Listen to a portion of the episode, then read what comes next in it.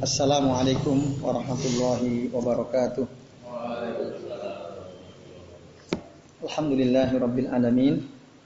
Wassalatu wassalamu ala asrafil anbiya'i wal mursalin wa ala alihi wa ashabihi wa man tabi'ahum bi isanin ila yaumiddin. Asyhadu an la ilaha illallah wahdahu la syarikalah wa asyhadu anna Muhammadan abduhu wa rasuluh. Allahumma salli wa barik ala Muhammad wa ala ali Muhammad kama sallaita wa barakta ala Ibrahim wa ala ali Ibrahim fil alamin innaka Hamidum Majid. Rabbi israh li sadri wa yassir li amri wa hlul 'uqdatam min lisani yafqahu qawli. Amma ba'du. Ikhwas sekalian, azan ya Allah wa iyyakum ajmain. Alhamdulillah pada malam hari ini pertemuan yang keenam ya untuk kajian kitab Nawakidul Islam. Ya, Alhamdulillah kita masih diizinkan oleh Allah Ta'ala untuk bisa melanjutkan ngaji kitab ini. Insya Allah pada malam ini kita akan membahas An-Nakid As-Sadis ya, membatal keislaman yang keenam. Kalau di kitab yang antum pegang berarti halaman 72 ya. Ya, silakan dibuka halaman 72. Ikhwas sekalian, di sini sebutkan ya. Qala al-musannif rahimahullah berkata penulis kitab ini ya as-sadisu yang keenam atau pembatal yang keenam adalah manistahza'a bi syai'in min dinillahi au sawabihi au iqabihi kafara. Nah, Barang siapa yang istahza'a itu mengolok-olok sesuatu dari agama Allah baik pahala ya tentang pahala atau tentang azab kafar maka dia kafir. Batal Islamnya. Kalau ada orang berani mengolok-olok sesuatu dari agama Allah ini mengolok-olok perintah Allah, mengolok-olok perintah Rasulullah, atau mengolok-olok larangan Allah dan Rasulnya, dijadikan candaan, nah maka kafir, dia sudah kafir. Ya. Nakodo Islam, Islamnya batal Islamnya. Nah ini, ya. ya termasuk tentu saja mengolok-olok agama yang dibawa oleh Rasul ini, maksudnya Islam yang dibawa oleh Rasul SAW. Nah kalau kemarin pada bab sebelumnya yang membenci sesuatu yang dibawa oleh Rasul Sallallahu Alaihi Wasallam. Ini mengolok-olok menjadikan candaan, baik serius maupun main-main. Maupun main-main. Itu bisa menyebabkan batal Islam alias dia menjadi kafir. Ya, contoh yang sederhana aja deh. Jenggot itu kan sunnah, ya kan? Nah, Rasul nyuruh supaya pelihara jenggot. Eh ketika ada orang pelihara jenggot, jenggotnya cuma satu dua lembar, Waalaikumsalam Jenggotnya sedikit lah. Lalu diolok-olok sama temannya. Apalagi dekat dengan Idul Adha. Ya. Orangnya gemuk. Wah ini cocok nih dikorbankan nih.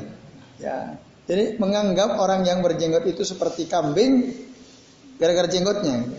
Dia anggap seperti kambing lalu dia bilang ini cocok nih untuk dikorbankan sambil ketawa ketiwi. Lah kok kenapa aku cocok di Korea? Nanti kayak kambing, jenggot nanti kayak kambing. Nah, itu. Kan nyantai banget kan? Ya atau tidak? Nah, main kita main-main, bercanda kita. Tapi ingat, candaan yang seperti ini ya menjadikan agama sebagai bahan candaan itu bisa menyebabkan seseorang menjadi kafir. Gitu. Maka jangan main-main bercanda. Ya sama seperti orang yang bilang yang nggak apa-apa seton seton masuk ke sela-sela sop kita kan berarti kan ini usah jamaah. Nah, ini kan candaan kan? Sampai ada pembelanya bilang ya beragama itu kalau tanpa bercanda garing ini. Garing. Jadi ya harus biar agama ini nikmat ya kita sambil bercanda aja lah gitu dia. Nah, tapi dia nggak ngerti bahwa agama itu nggak bisa dijadikan can candaan. Meskipun main-main, nggak serius. Nah ini ya, ikhwas kalian, azan ya Allah wa Pokoknya jangan ya menganggap remeh, menjadikan agama ini sebagai bahan candaan. Itu jangan sekali-kali dianggap remeh. Ya termasuk kadang-kadang ya ada orang celananya cingkrang. Woi mas, ini nggak musim banjir kok sampean pakai celana kayak banjir kan? Itu dan macam-macam lah. Ya, saya kira banyak contoh. Iya sering. Nah, ini ada wanita bercadar sama temennya apa ninja ninja lewat. Nah ninja ninja lewat. Ya. Karena nanti candaan itu ada dua macam. Ada candaan ya setelah terang-terangan ya ada bisorihil kaul ya atau ada candaan bil isyarah. Para ulama mengatakan candaan itu istihza itu bisa dilakukan dengan dua cara. Pertama al istihza ya sorihun bil kaul. Di kata-kata tadi, wah ini cocok nih disembelih nih. Ya, cocok nih apalagi ntar lagi Idul Adha kan gitu. Gara-gara lihat temennya berjenggot. Dengan kata-kata. Tapi ada juga candaan yang dilakukan dengan isyarah. Dengan isyarat. Bisa dengan kerlingan mata. Ya mata dikerlingkan gitu. Sebagai bentuk penghinaan. Atau bisa juga dengan kibasan tangan misalnya atau dengan telunjuk misalnya. Itu juga istihza bil bil isyarah. Nah, dua-duanya tentu tidak boleh ya. Jika itu dilakukan terhadap ajaran agama. Ini ya sekalian. Nah mana dasarnya kalau kita ya, menjadikan agama ya, agama Allah ini sebagai bahan candaan atau olok-olok itu bisa menyebabkan seseorang menjadi kafir Jelas dalam surah At-Taubah ayat 56 sampai eh maaf, ayat 65 sampai 66. Disebutkan di kitab itu langsung dalilnya. Ya. Allah Subhanahu wa taala berfirman, "Kul abillahi wa ayatihi kuntum tastahzi'un." Katakan Muhammad, apakah dengan Allah wa ayatihi dengan ayat-ayatnya wa rasulihi dengan rasulnya kuntum tastahziun. Ya kuntum tas tastahziun. Kalian ya menjadikan itu sebagai bahan olok-olok. Allah ayat-ayatnya atau Rasulullah Shallallahu Alaihi Wasallam Rasulnya. Lalu pada ayat ke-66-nya la ta'tadhiru Qad kafartum ba'da imanikum. Nah, ada kata-kata qad kafartum ba'da imanikum. Uh, jangan kalian beralasan. La ta'tadiru. Jangan beralasan. Nggak udah nggak bisa ada alasan lagi. Qad kafartum. Sungguh kalian telah kafir ba'da imanikum setelah kalian ber, beriman. Itu ngeri itu ayatnya. Nah, Teman sekalian, ayat ini ada latar belakang, ada asbabun nuzul ya. Ada asbabun nuzul. Jadi waktu itu ya setelah terjadi perang Tabuk Tabuk para sahabat atau orang-orang yang ikut berperang itu mereka duduk-duduk di satu tempat. Duduk-duduk di satu tempat. Nah, ikut ya perang tabuk bersama Nabi SAW. Berkumpullah mereka di suatu majelis, lalu salah satu dari mereka Fatakallama wahidun minhum. Salah satu dari mereka bicara, ngomong. Apa omongannya? Fakal kata dia, ma ra'ayna misla qurra'ina haula arghabu butunan wala akdzaba al alsinan wala ajbana indal liqa. Tidaklah kami melihat orang-orang seperti Qurra itu para ulama kami ya ini ros yaitu Rasul dan para sahabat maksudnya.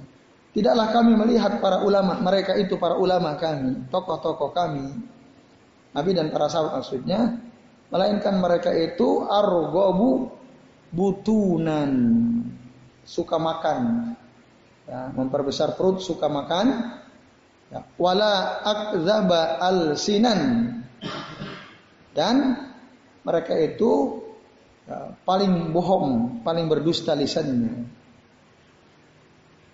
Wala ajbana indal liqa. Dan mereka itu orang yang paling pengecut ketika ketemu denganmu musuh.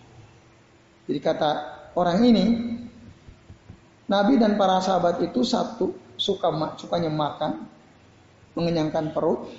Kalau ngomong suka bohong, kalau ketemu musuh pengecut. Itu kata dia. Lalu ada salah seorang sahabat anak muda dari Ansar orang Madinah namanya Auf bin Malik radhiyallahu anhu mendengar kata-kata orang tersebut langsung dia bilang ya kadzabta bohong kamu lakinnaka munafik bahkan munafik kamu la ukhbiranna Rasulullah sallallahu alaihi wasallam. Saya pasti akan sampaikan hal ini kepada Rasul sallallahu alaihi wasallam. Hinaan kamu ini, omongan kamu ini saya akan sampaikan kepada Nabi. Maka faqama zahiban ila Rasul sallallahu alaihi wasallam. Maka segera Auf bin Malik meninggalkan mereka pergi menuju ke Rasul sallallahu alaihi wasallam. Untuk apa?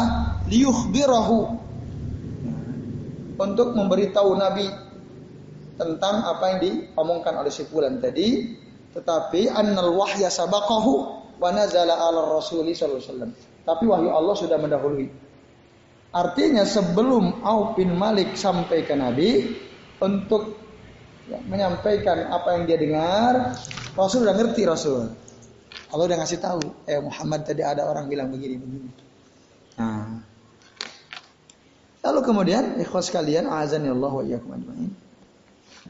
Jadi hanya Auf bin Malik mengingkari, yang mengingkari. Sementara orang-orang yang duduk di situ wal baqiyah lam yungkiru alaih. Orang yang hadir di majelis itu tidak mengingkari kecuali satu Auf bin siapa? Auf bin Auf bin Malik. Itu saja yang mengingkari. Yang lain enggak, duduk-duduk. Nah. Lalu ketika sampai berita itu kepada Nabi Shallallahu Alaihi Wasallam, nah, Nabi pun naik unta. Nah, ketika Nabi naik unta, ya,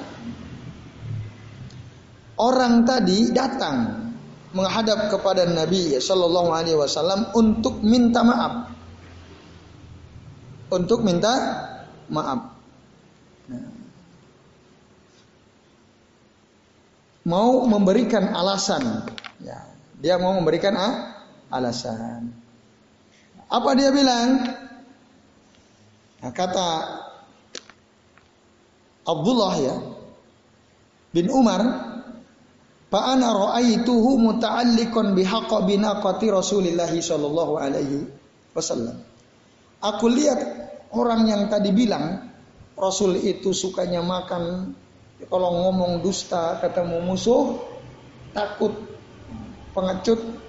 Aku lihat orang itu kata Allah Umar dia bergelantungan di pelana unta Rasul Shallallahu Alaihi Wasallam untuk minta maaf. Lalu dia bilang, Ya Rasulullah, inna kunna nakhudu wa nal'ab. Sesungguhnya kami ini hanya ya bergurau, bersendau gurau dan bermain-main saja. Apa yang kami omongkan tuh nggak serius ya Rasul. Nah itu. Dan seketika Rasulullah ya mengatakan kepada mereka dan ini berdasarkan firman dari Allah Taala kata Rasul apa abillahi ya Allah kan bilang kul katakan Muhammad abillahi wa ayatihi wa rasulihi kuntum tastahzi'un. Apakah dengan Allah, dengan ayat-ayatnya, dengan Rasulnya kalian jadikan itu sebagai bahan candaan, bahan olok-olok? Nah, tanpa dijawab langsung dia bilang, Qad la ta'tadiru qad kafartum ba'da imanikum. Udah. Bahasa kitanya, ente enggak usah nyari-nyari alasan. La ta'tadiru. Kenapa? Qad kafartum ba'da imankum. Ente sudah kafir setelah ente beriman. Oh kan ngeri. Padahal cuman main-main tok. Nah, main-main tok. Ini Bapak-bapak dan ikhwas kalian, azan ya Allah wa iyyakum ajma'in. Jadi nggak boleh, ya nggak boleh. Nah, ayat ini, ya, ayat berapa ini? At-Taubah ayat 65 sampai 66 ya. Menunjukkan bahwa orang-orang yang duduk di majelis tersebut termasuk orang yang ngomong menurut antum dia orang beriman atau orang nggak beriman yang ngomong tadi tidak beriman Berarti kalau tidak beriman orang apa namanya? Orang munafik. Orang munafik beriman tidak? Orang munafik beriman tidak? Lah. Orang munafik itu tidak beriman. Dia itu berislam.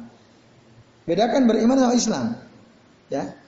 Kata iman dan Islam itu adalah dua kata Ya. Kalimatani idza ijtama'at ibtaraqat wa idza ya ibtaraqa ijtama'at. Dua kata yang apabila menurut sebagian ulama ya disebut bersamaan artinya beda, kalau disebut sendiri-sendiri artinya bisa sama gitu ya. Tapi khusus pada ayat ini kata Qad kafartum ba'da imanikum. Ya. Itu beda dengan kata Islam. Coba antum buka. Ya. Ayat lain. Ada kata ba'da islamikum. Ini kan ba'da imanikum kan? Ya enggak? Nah, coba ya perhatikan wa kafaru ba'da islamihim. Ini ada di ayat surah At-Taubah ayat coba buka surah At-Taubah ayat 74.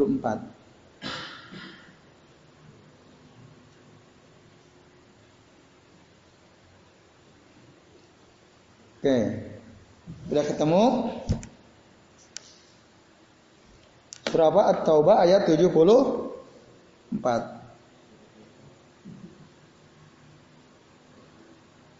Sudah ketemu Pak Anwar? Hah? Ayat 74.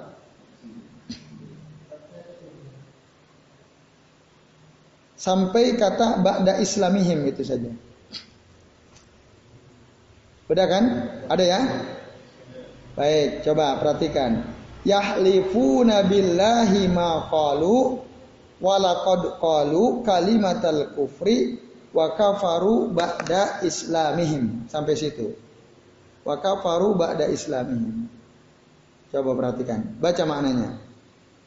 Mereka orang-orang munafik itu yahlifuna billah. Ini jelas. Orang-orang munafik itu bersumpah dengan nama Allah.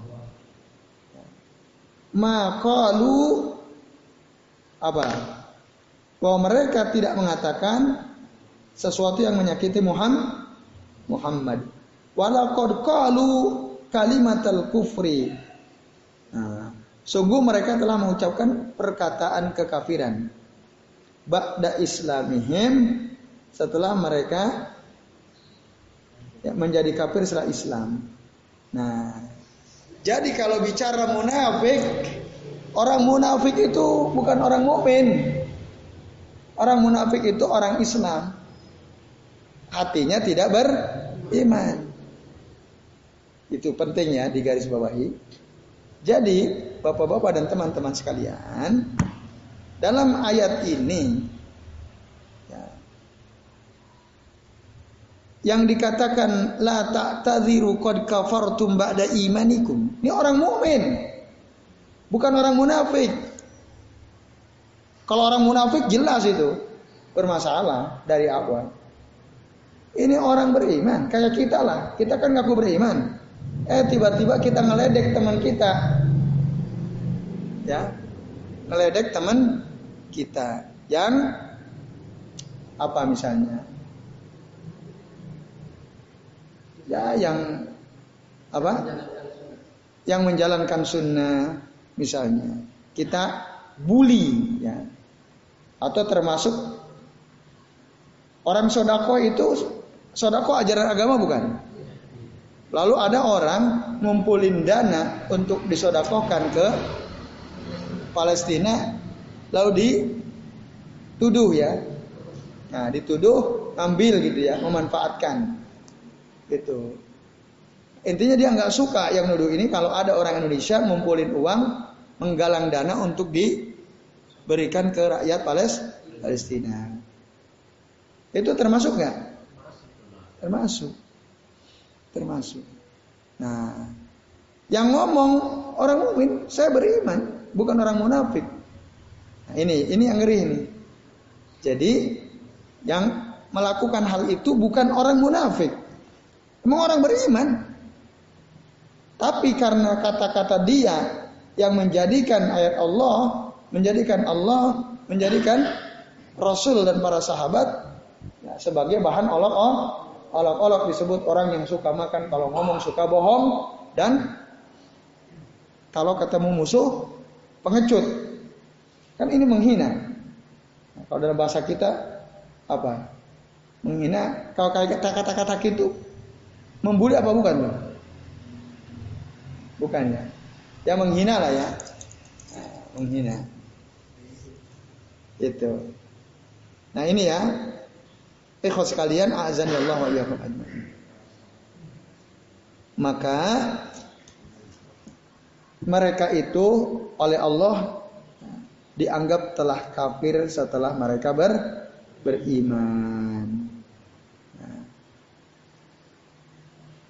Terus gimana caranya? Cara taubatnya? Caranya ya dia ngulangi lagi syahadatnya karena batal Islamnya kan gitu. Orang yang batal Islamnya dia ngulangi syahadatnya. Karena batal keislamannya. Kan ini anak kidus sadis, pembatal yang keenam. Kalau ada orang melakukan penghinaan, mengolok-olok ajaran agama, maka kafir dia, aduh ya Allah saya baru tahu kalau ente tahu nggak tahu kafir ente. Ya, sengaja nggak sengaja kafir ente. Serius main-main kafir ente. Saya nggak tahu, nggak tahu pun ente kafir. Maka jangan macam-macam. Ya, kalau ada hadis Nabi, ya Allah memaafkan kesalahan umatku karena al khoto ya Al khoto itu kesalahan untuk nggak tahu, anisyan lupa wa mastukrihu alai atau karena dipaksa. Tapi dalam konteks ini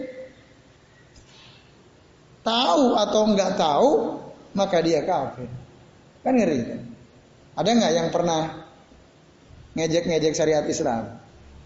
Kalau ada, segera ya ulangi ditajdid sahadatnya lalu bertaubatlah kepada Allah Subhanahu wa taala.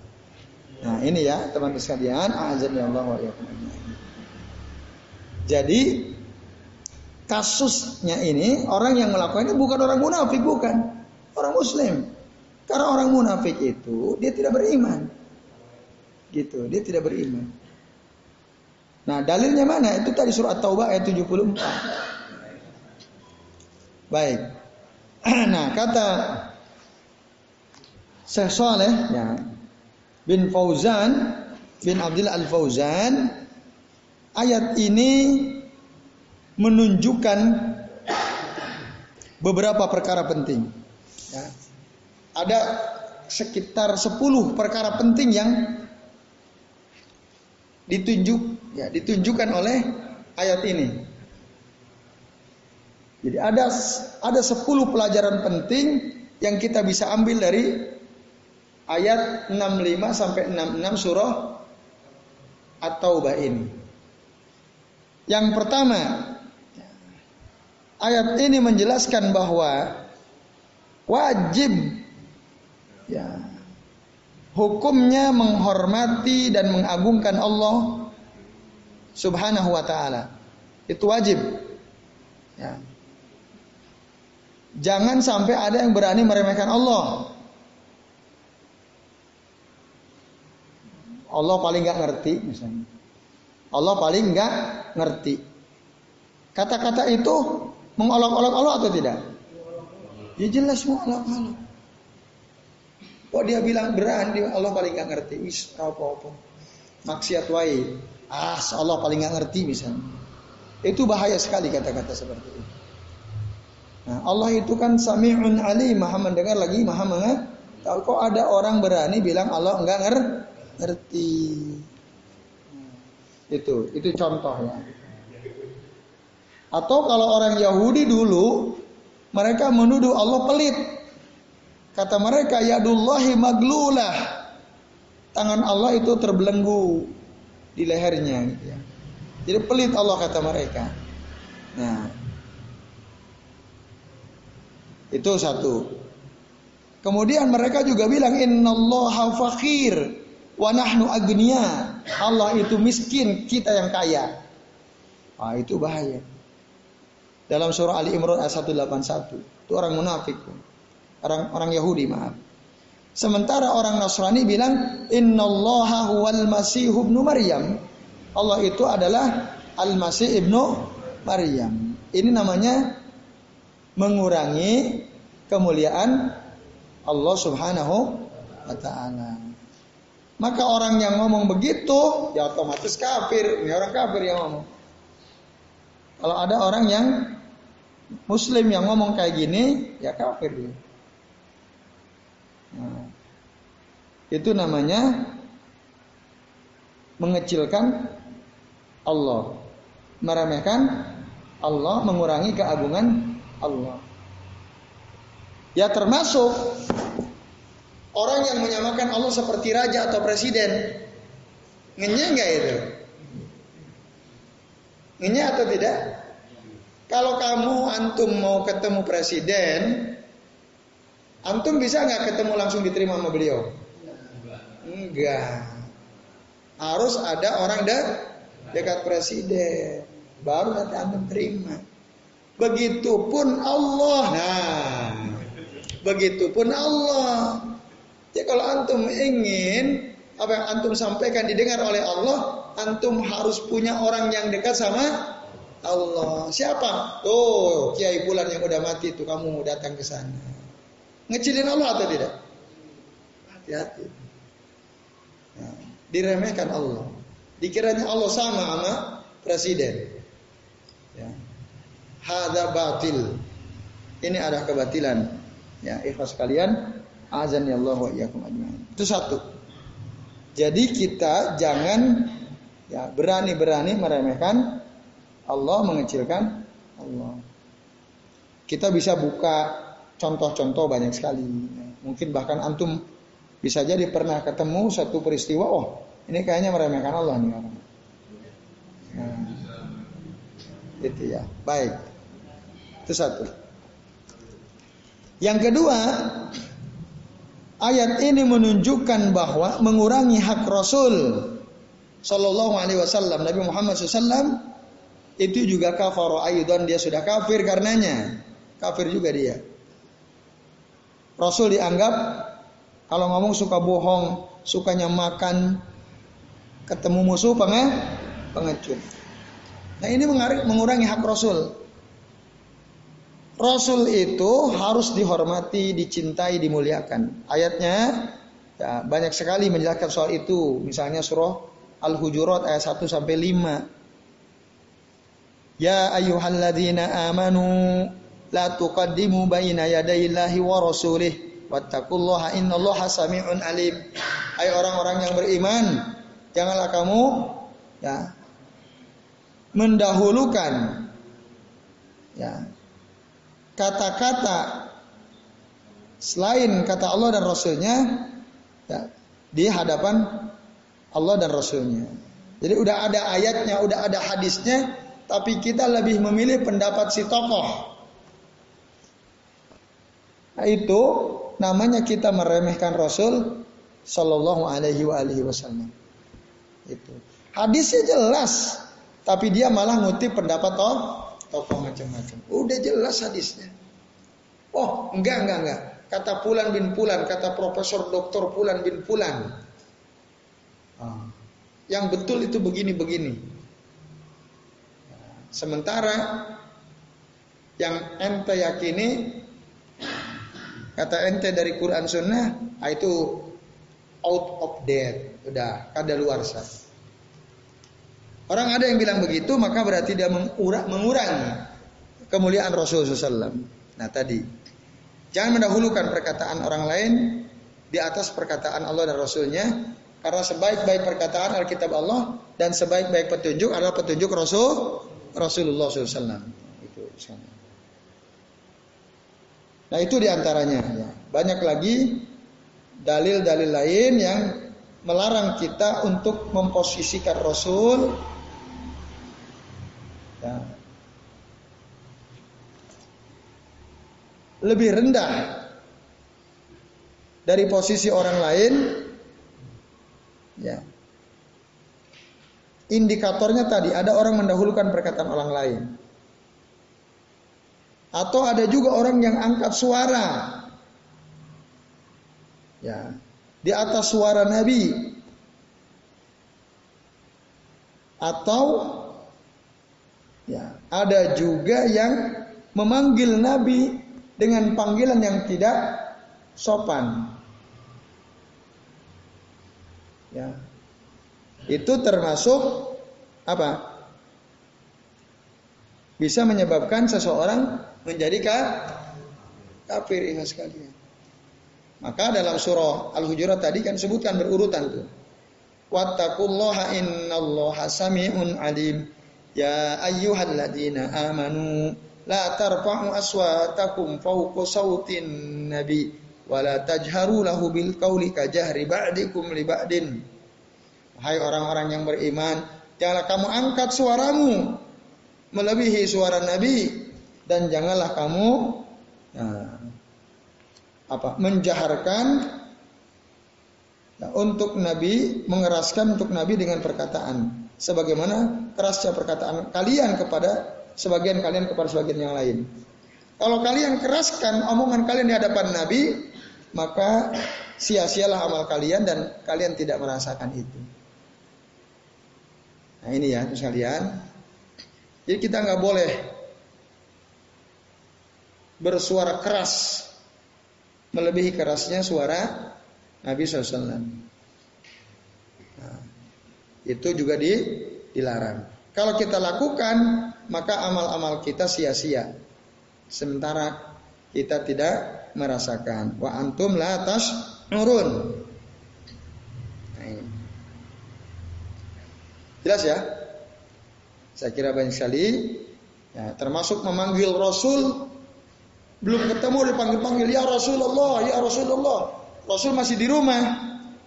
Pintu belum dibuka. Eh waktu itu orang manggil-manggil tok tok tok ya Rasul, tok tok tok ya Rasul. Itu boleh nggak? Nggak boleh. Ya. Keras, diangkat suara itu nggak boleh. Nah, jelas ya. Lalu pada ayat ketiganya Innal ladzina yagudduna aswatahum inda Rasulillah sallallahu alaihi wasallam ya. Oh inda Rasulillah ulaikal ladzina imtahanallahu qulubahum littaqwa. Sementara orang-orang yang melirihkan suaranya di hadapan Rasul. Kalau ngomong pelan ya Rasulullah, panjenengan lapar boten. Kalau bahasa kita kan begitu ya. Pelan. Itulah mereka orang-orang yang diuji oleh Allah. Hati mereka supaya mereka bertakwa. Lahum magfiratu wa ajrun azim. Bagi mereka ada apa? Bagi mereka ada ampunan dan pahala yang besar. Yang yang tadi tidak mendahului Rasul, tidak angkat suara melebihi suara Rasul dan melirihkan suara. Nah, itu semua pahalanya luar biasa ya. Nah, bagi yang melirihkan suara maksudnya di samping Rasul, mereka itu orang Allah diuji hati mereka untuk bertakwa. Bagi mereka ada ampunan dan pahala yang besar. Gitu. Nah ini ya atau dalam hadis yang ayat lain wala taj'alu du'a ar-rasuli bainakum ka ibadikum ba'dha. Janganlah kalian menjadikan panggilan kepada Rasul di antara kalian sebagaimana doa sebagian yang lain ya, kepada sebagian yang lain. Itu juga dianggap mengurangi haknya Rasul Shallallahu Alaihi Wasallam. Bapak-bapak dan ibu-ibu serta uh, ikhwas kalian ya. Ya jelas ya saya kira nah, kita harus mendahulukan perkataan Nabi. Tidak boleh angkat suara di hadapan Nabi. Kalau zaman sekarang ada Nabi atau tidak? Udah gak ada kan? Masih berlaku nggak ayat ini? Masih. Apa contoh kita bicara lebih ber, lebih keras daripada omongan Nabi ada nggak?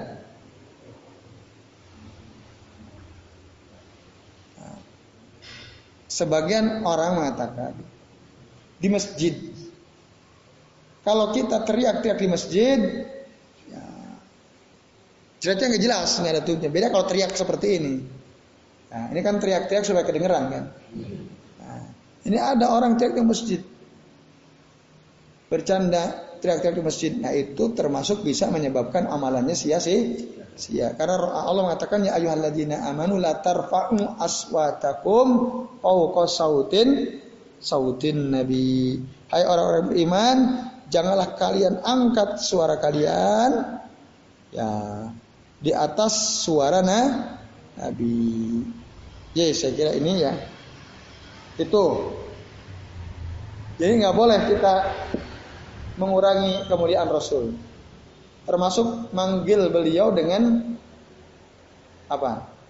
Dengan panggilan tanpa ada kata Rasul, tanpa ada kata Nabi. Misalnya, ya Muhammad.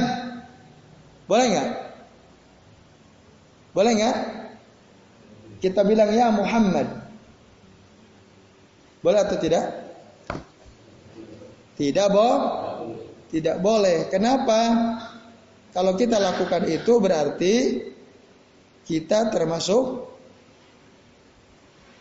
apa? Tidak sopan kepada Rasul Sallallahu Alaihi Wasallam. Karena memanggil Rasul hanya dengan panggilan nama. Allah saja selalu memanggil Rasulullah dengan ya, apa?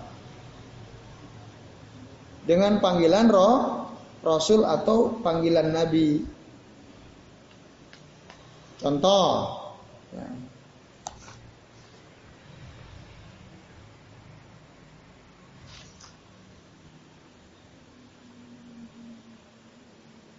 Mana misalnya? Ada yang bisa ngasih contoh nggak? Uh, ya tadi ya, nyebut langsung nama Muhammad lah. Saya, oh ya sorry. Nanti menyebut nama itu ada lewat mukhotobah, ada lewat ya, ikhbar, ikhbar sama takhotub. Takhotub itu menyapa, ikhbar itu eh, maaf, ya ikh, takhotub itu me, menyapa. Dialog antara si A dan si B. Tapi kalau ikhbar Ikhbar itu memberi informasi. Memberi informasi. Ya, apakah harus ada orang kedua ketiga? Memberi informasi. Ya. Tidak harus ya, tidak harus. Nggak ada orang dia mau ngasih tahu informasi, bisa nggak dilakukan nggak ada orang? Hah? Kita mau memberitahu tentang sesuatu perkara penting, tapi waktu itu nggak ada orang. Itu kalau Ah, bisa kan? Jadi memberikan informasi itu tidak harus ada orang, tidak harus. Ada orang begini tidak harus. Bukan suatu keharusan lah intinya gitu. Tapi kalau takhotub dialog harus ada orang atau tidak? Harus ada orang. Nah itu bedakan. Karena ada orang berdalil, oh bohong ente. Kata ente Allah nggak pernah menyebut Nabi Muhammad dengan namanya. Pasti ya Rasulullah, ya ayuhan Nabi dan susnya. Nggak pernah ya Muhammad. Nggak pernah ya Muhammad. Muhammad. Wahai Muhammad. Betul. Itu betul. Allah tidak pernah menyeru Rasulullah dengan namanya, tapi dengan apa? Dengan seruan ya Rasulullah atau ya ya Rasulullah atau ya Habib Allah atau ya Khalilullah bisa atau ya apa tadi? Ya Nabiullah itu harus begitu. Yang nggak boleh gimana? Ya Muhammad, ya Muhammad itu nggak boleh. Nah itu ikhwas kalian azan ya Allah wa ajmain. Jadi ayat ini ya menjelaskan bahwa kita harus memuliakan Nabi. Kalau tidak, bahaya tadi. Amal kita bisa sia-sia. Oke, jelas ya? Itu yang kedua. Nah, bahkan secara tegas dalam surah Al-Fatah ayat 9 itu jelas. Litu'minu billahi wa rasulihi wa tu'azziruhu wa tuwakkiruhu wa tusabbihuhu bukratan wa asila.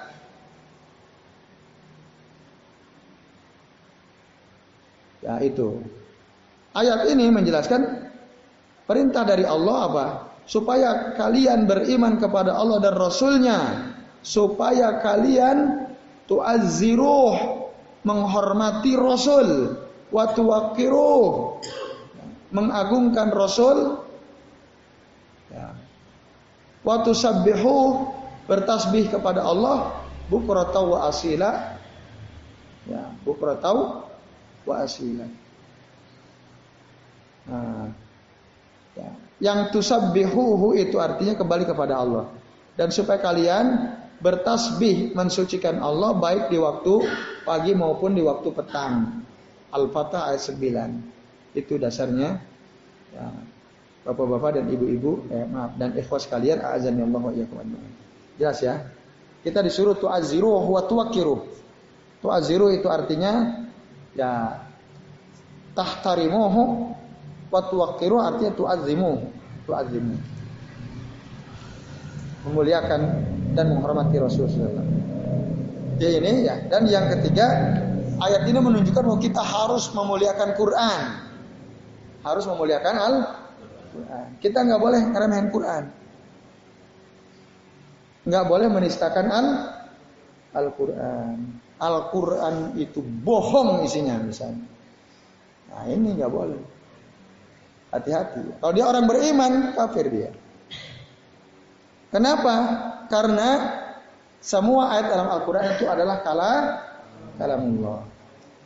Yang keempat, ya berdasarkan ayat ini, ayat ini menunjukkan bahwa wajib hukumnya menghormati agama Islam.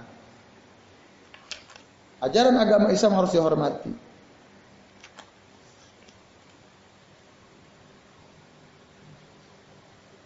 Ya. Itu yang keempat. Yang kelima, ayat 6566 surat Taubah itu menunjukkan tentang wajibnya menghormati sunnah Rasul. Nah, wajib. Kenapa? Karena Rasul kalau ngomong berdasarkan wah, wahyu bukan berdasarkan hawa nafsunya. Itu yang keenam. Yang kelima, wajib memuliakan sunnah Rasul. Yang keenam, ya, ayat 5 6 sampai eh, ayat 65 sampai ayat 66 menunjukkan tentang pentingnya menghormati ulama. Karena ulama itu warasatul biya, pewaris para nabi. Ya, itu. Apalagi dalam Al-Quran surah Al-Mujadilah kan jelas. Yarfa'illahu alladhina amanu minkum walladhina utul ilma darajat. Ya Allah mengangkat orang-orang yang beriman di antara kalian dan orang-orang yang diberi ilmu beberapa da, derajat. Nah itu, maka nggak boleh kita me apa meremehkan ulama tidak memuliakan oh ulama. Sekarang kan banyak ya orang berani kan melecehkan ulama banyak ya? Banyak banget. Nah, itu bahaya. Itu yang keenam. Ayat ini menunjukkan itu nggak boleh. Nah, terus sekalian, kenapa ulama termasuk nggak boleh dihormati? Ya, saya ulangi, Kenapa? Ayat 65 sampai 66 surah At-Taubah itu mengandung pengertian bahwa kita harus menghormati ulama karena dulu ya pada zaman Rasul orang-orang ya yang hafal Quran disebut Al-Qurra zaman dulu adalah dia seorang alim ulama. Nah, itu ya. Bahkan sampai sekarang gitu. Kata kurro itu artinya para u, ulama. Maka ulama tidak boleh diremehkan, tidak boleh dihi, dihinakan. Nah. Saya kira udah jelas saya itu ya. Tapi, nah, tadi harus dihormati dan dimuliakan. Di sini ada catatan penting. Jadi gini. Kata kuro dulu itu adalah para penghafal Quran. Dan mereka pasti alim, pasti fakih, fakih, pasti fakih, paham fikih. Nah, beda dengan zaman sekarang. Kalau zaman sekarang orang hafal Quran pasti berilmu atau tidak? Belum tentu kalau sekarang. Kalau dulu betul-betul berilmu orang yang hafal Quran. Maka ya uh, ulama itu warasatul anbiya dan berdasarkan ayat yang kita bahas ini tidak boleh di, dihinakan. Oke, okay, yang keenam. Yang ketujuh menghormati kaum muslimin secara umum baik secara pribadi maupun secara jamaah berkelompok.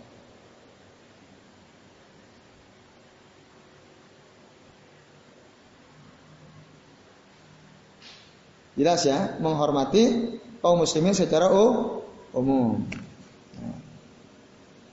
Kemudian yang kedelapan,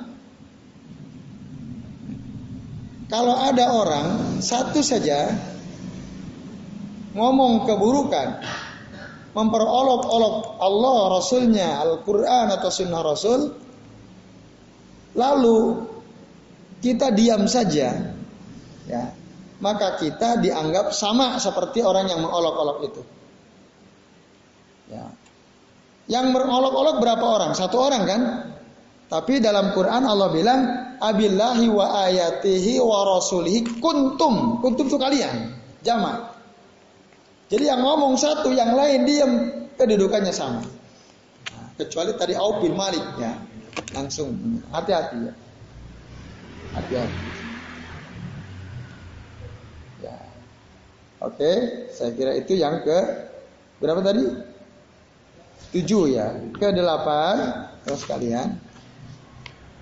Yang ke delapan, kesimpulan ke delapan maksud saya. Yang kita bisa ambil. Eh tadi udah ke delapan udah ya. Yang ke sembilan berarti. Semua ada sepuluh. Yang ke sembilan, ya, ayat yang kita bahas ini menunjukkan bahwa siapa saja yang mencela Allah dan Rasulnya atau mencela kitab Allah dan sunnah Rasulnya atau ya, apa lagi?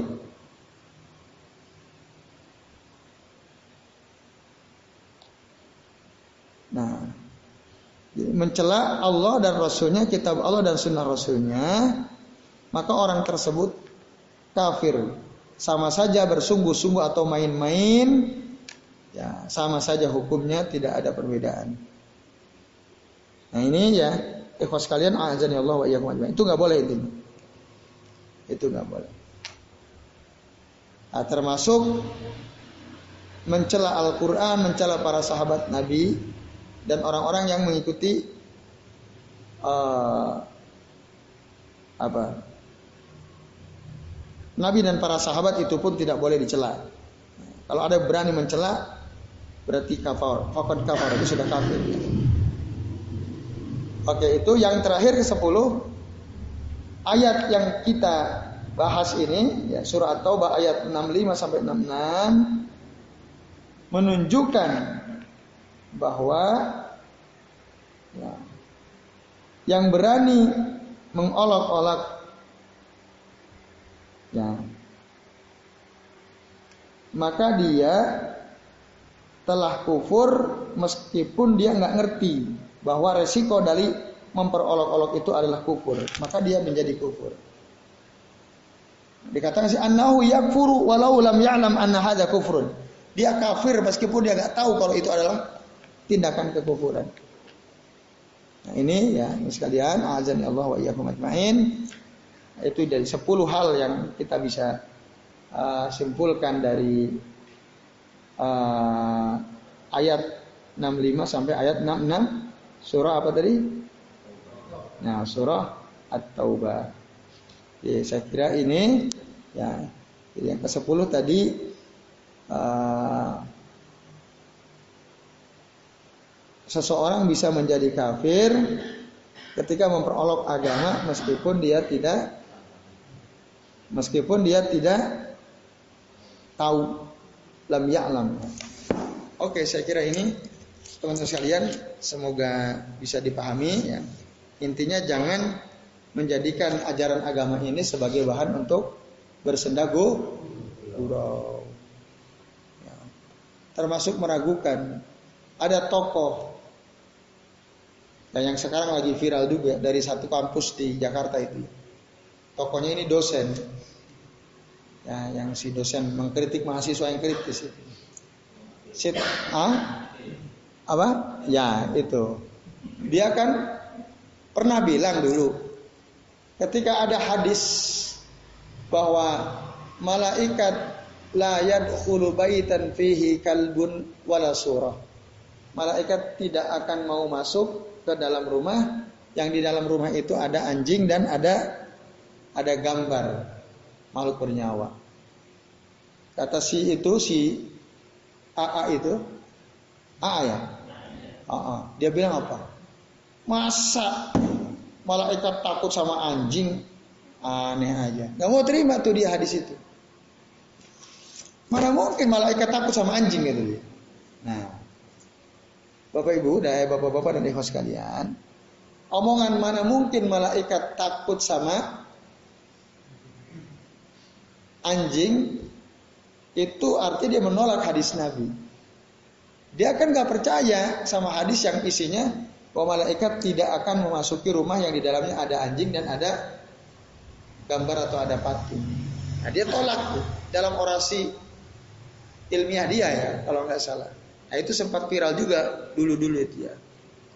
Nah ini ikhwas kalian azan ya Allah ajmain. Sekali lagi jangan berani-berani mengolok-olok ajaran aga, agama. Jadi saya kira ini ya jam 10 lewat 8 menit ya. Oke, saya kira mudah-mudahan jelas ya. Jelas sekali. Oke. Kalau jelas berarti ada pertanyaan? Ya, silakan. Ini kan anu, kita kan tidak boleh mempermainkan agama ya. Hmm. Dan ke mana dan undangan kita dalam kitab harus sunnah kita tidak boleh semudah itu mengkafirkan.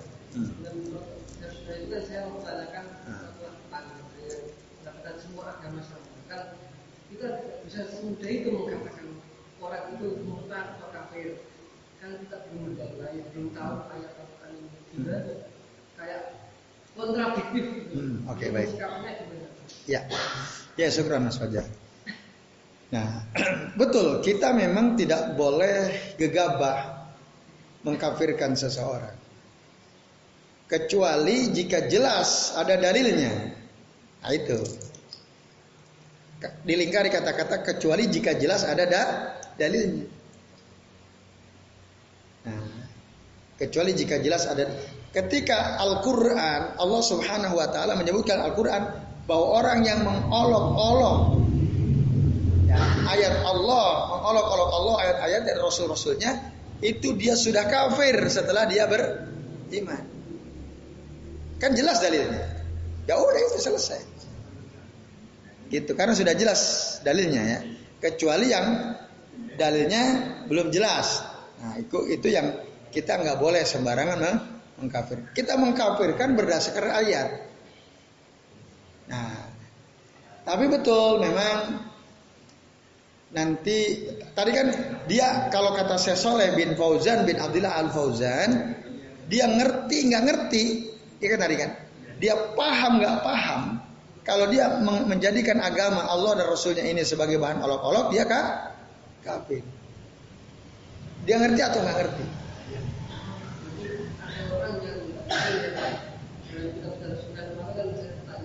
Hmm.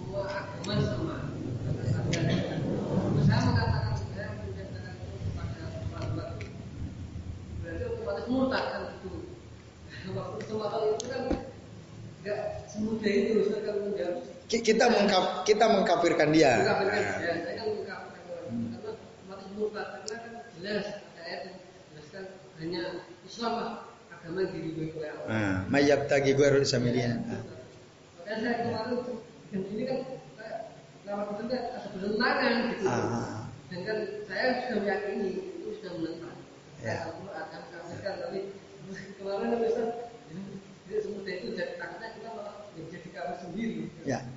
Kan ada takfir takyin ya. Takfir takyin itu nunjuk hidung gitu.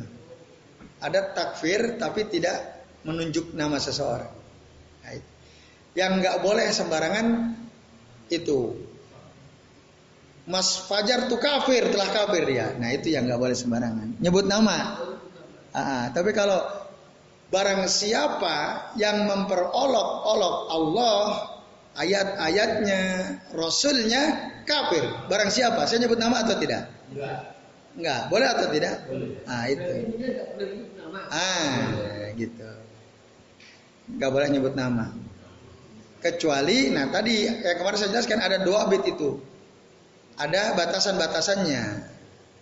Satu ketika dia ngomong begitu, itu dalam tekanan atau tidak?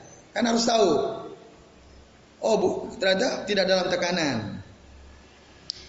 Kemudian ketika dia ngomong begitu, itu dia sedang mentakwil apa bukan? Mentakwil itu dia mencoba memahami mana yang benar menurut dirinya dengan ilmu yang dia punya. Nah, itu harus diketahui. Oh, ternyata dia keliru. Nah, maka harus kasih tahu antum salah tuh takwilnya kan gitu. Yang ketiga ya antum sudah nasihat tidak belum? Ya kan? Atau minimal sudah ada orang nasihati belum? Kan gitu. Nah, ternyata belum ada orang nasihati, kita pun menasihati, dia melakukan satu tindakan yang bisa menjadikan dia kafir. Nah, maka kita jangan kafirkan dulu. Sampai kita nasihati orang itu, kalau dia nasihati dia nolak, nah baru. Nah itu. Intinya tidak sembarangan kita bisa meng mengkafirkan secara ta'yin tadi. Nyebut nama. Tapi kalau secara umum itu boleh. Ya, Pak, jelas ya? Ya. Baik. Cukup? Cukup ya? Baik, ya sekalian kita cukupkan sampai di sini. Ya, insya Allah nanti kita lanjut lagi di pekan yang akan datang. Semoga apa yang kita bahas ini bermanfaat. Dan saya mohon maaf ya apabila yang kami sampaikan ada kesalahan dan kekeliruan. Kami akhiri wasallallahu ala Muhammadin wa ala alihi wa sahbihi wa baraka wa sallama alaihim ajmain. Billahi taufiq wal hidayah. Wassalamualaikum warahmatullahi wabarakatuh. Waalaikumsalam.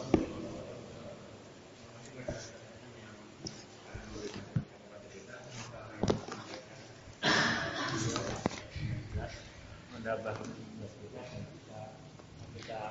pularkan ke